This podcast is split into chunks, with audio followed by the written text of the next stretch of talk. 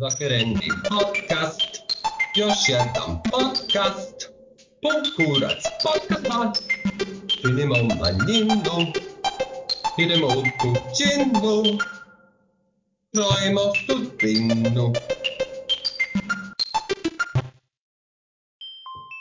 Ćao svima, dobrodošli u još jednu epizodu iz Okrenih. E, sa nama je danas ponovo Tara Lena nakon tri i po meseca od e, snimanja prethodne dve epizode.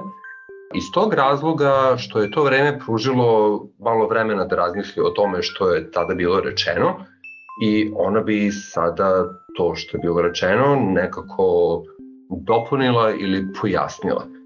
Stoga ja za ovaj razgovor nisam pripremljen u, smislu posledovanja nekog spiska pitanja koje bih je konkretno postavio, tako da će nam Tara Lena dati uvod o svom povodu za ponovno gostovanje, pa ćemo onda nekako razgovor nastaviti odatle.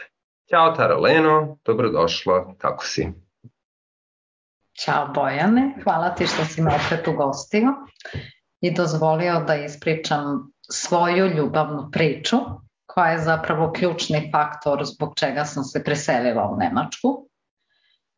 Naime, u prethodnim epizodama je fokus više bio na prošlosti i shvatila sam da nisam dovoljno pažnje posvetila priči koja je meni lično najbitnija, a to je a, priča kako sam se upoznala sa ženom i kako je čitava priča tekla.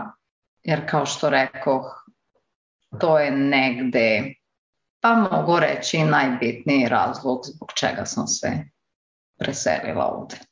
Preselila se zbog ljubavi. Ola la, priča nam o ljubavi, što bi rekla Baby Doll. Dakle, once upon a time. Um, naime, uh, upoznale smo se pre četiri godine u malom selu na severu Nemačke, u sredne dođije.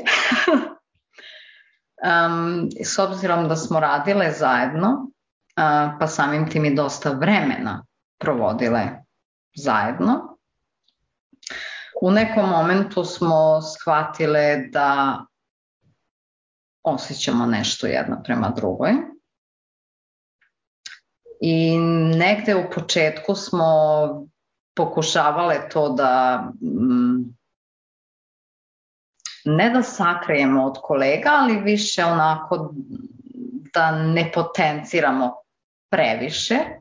Međutim, to je bilo kao, kako bih objasnila, bukvalno kao magneti. Znači jednostavno nismo mogli više da um, krijemo to i bilo je ono kao totalna eksplozija um, osjećanja i jednostavno za obe je bilo neobično jer nijedna nije otišla tamo sa namerom da nekoga nađe i ništa, ja sam tamo ostala do kraja leta otprilike uh, i negde je faktički tako i počela naša veza na daljinu. Da bi me ona spontano posetila za moj rođendan te iste godine. To je bilo bukvalno iznenađenje jer nisam imala predstavu da će doći.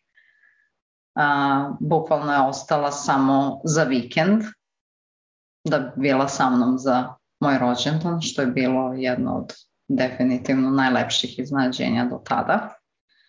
I priča se onda dalje nastavlja. Um, onda sam ja, moj prvi odlazak u Leipzig je bio te iste godine, negde u vreme katoličkog Božića. Tačno u vreme kada sam upoznala bukvalno čitavu njenu porodicu, što je bilo vrlo zanimljivo iskustvo.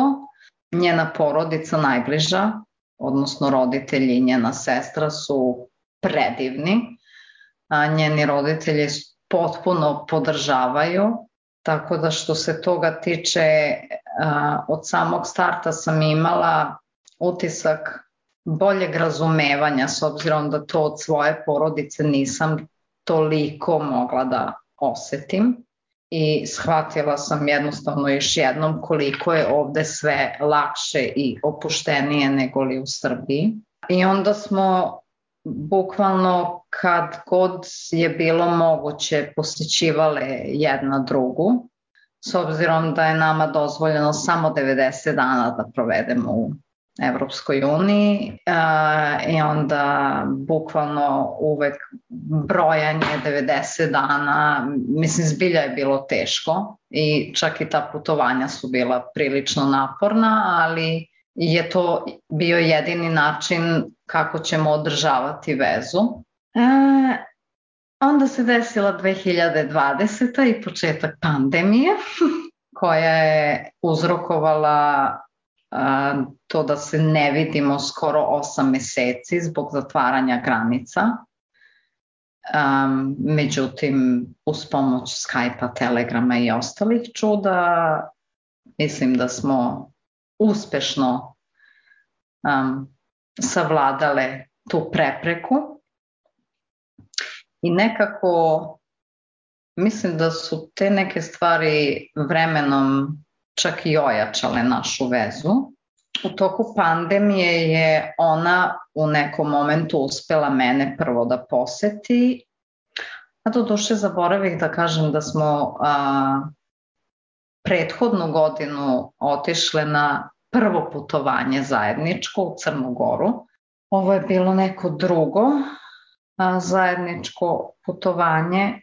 A, onda sam ja te iste godine opet otišla negde u zimskom periodu i onda se desilo nešto potpuno neočekivano, romantični vikend zajedno i jedno jutro uz kafu me je dočekalo pitanje da li želiš da se udaš za mene.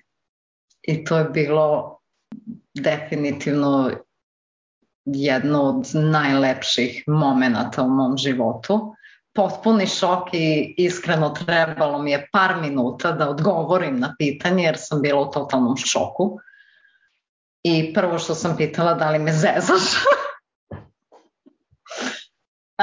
Da bi posle mog neverovanja bukvalno i šoka izvadila kutijicu sa prstenjem koja je sama napravila i onda sam konačno dala svoj odgovor i to je nešto što ću definitivno pamtiti celog života.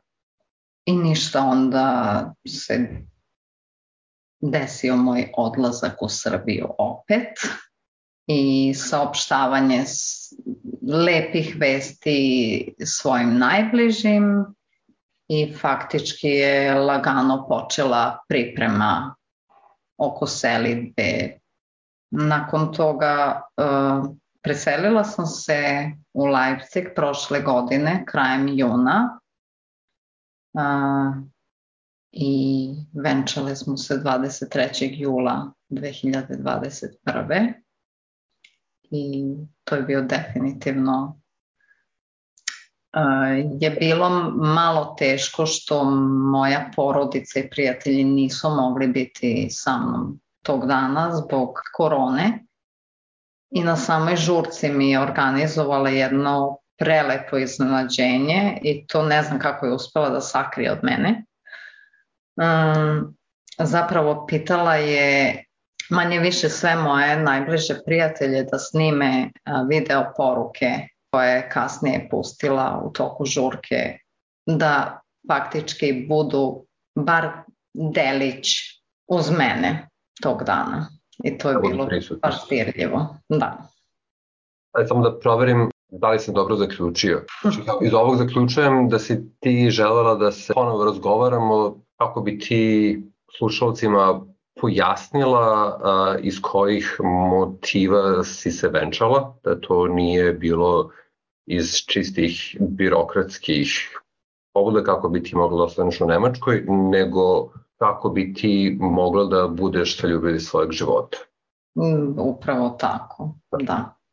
Zato što, mislim, zašto je ona napravila taj potez? A, zato što je, pogotovo kada je pandemija počela, je shvatila da ne želi više da bude odvojena od mene i da razmišljamo o tome da li će a, to ludilo da se nastavi, koliko dugo nećemo moći da se viđamo i izbilje je postalo mučno.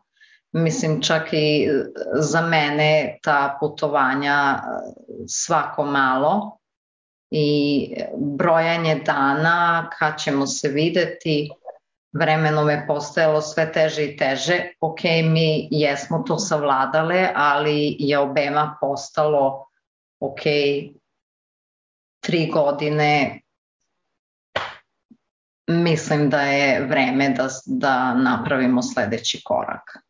Da, I da počnemo da gradimo život zajedno. Da, tri godine su baš dugačak period za vezu na daljinu. A, da, da nijedna od nas nije verovala na početku da uopšte mogu da isfuraju. Jer nije to ono kao tipa Zrenjani Novi Sad ili Zrenjani mm. Beograd. To je ipak malo, malo duža kilometraža. A drago mi je što si imala tu sreću da uživaš te tri privilegije. Pod jedan da istrajete na tako duge staze m, tako dugo, da si, da si srećno zaljubljena i da si srećno zaljubljen neko ko je od dande gde je vaša veza pravno dozvoljena i što daje vezi neku perspektivu. I je drago zbog tebe da su ti se kocke tako poklopile da možeš da ispričaš ovakvu lepu priču. Hvala ti puno i jednostavno htela bih a, da poručim ljudima da a, ne odustaju od svojih snova, i da izađu iz zone komfora. Meni je jasno, znaj, slušajući priče iz svojih nekih krugova, da nije toliko jednostavno naći partnera u Srbiji. Leno, tvoja poruka je poslata, a o tome zašto je teško naći u Srbiji partnera, pa o tome bi mogli isto da se snimi neka emisija. Jer mislim, Nije da nema gej ljudi ovde, ali koji su to sve faktori koji utiču ovde na psihu? A, verujem da bi mogla. Je, je baš tema iz, za izučavanje proučavanje. Jeste i mislim da nije loša ideja da tako nešto uradiš u budućnosti. Rado ću se pridružiti da. većini koji žele da pričaju na tu temu.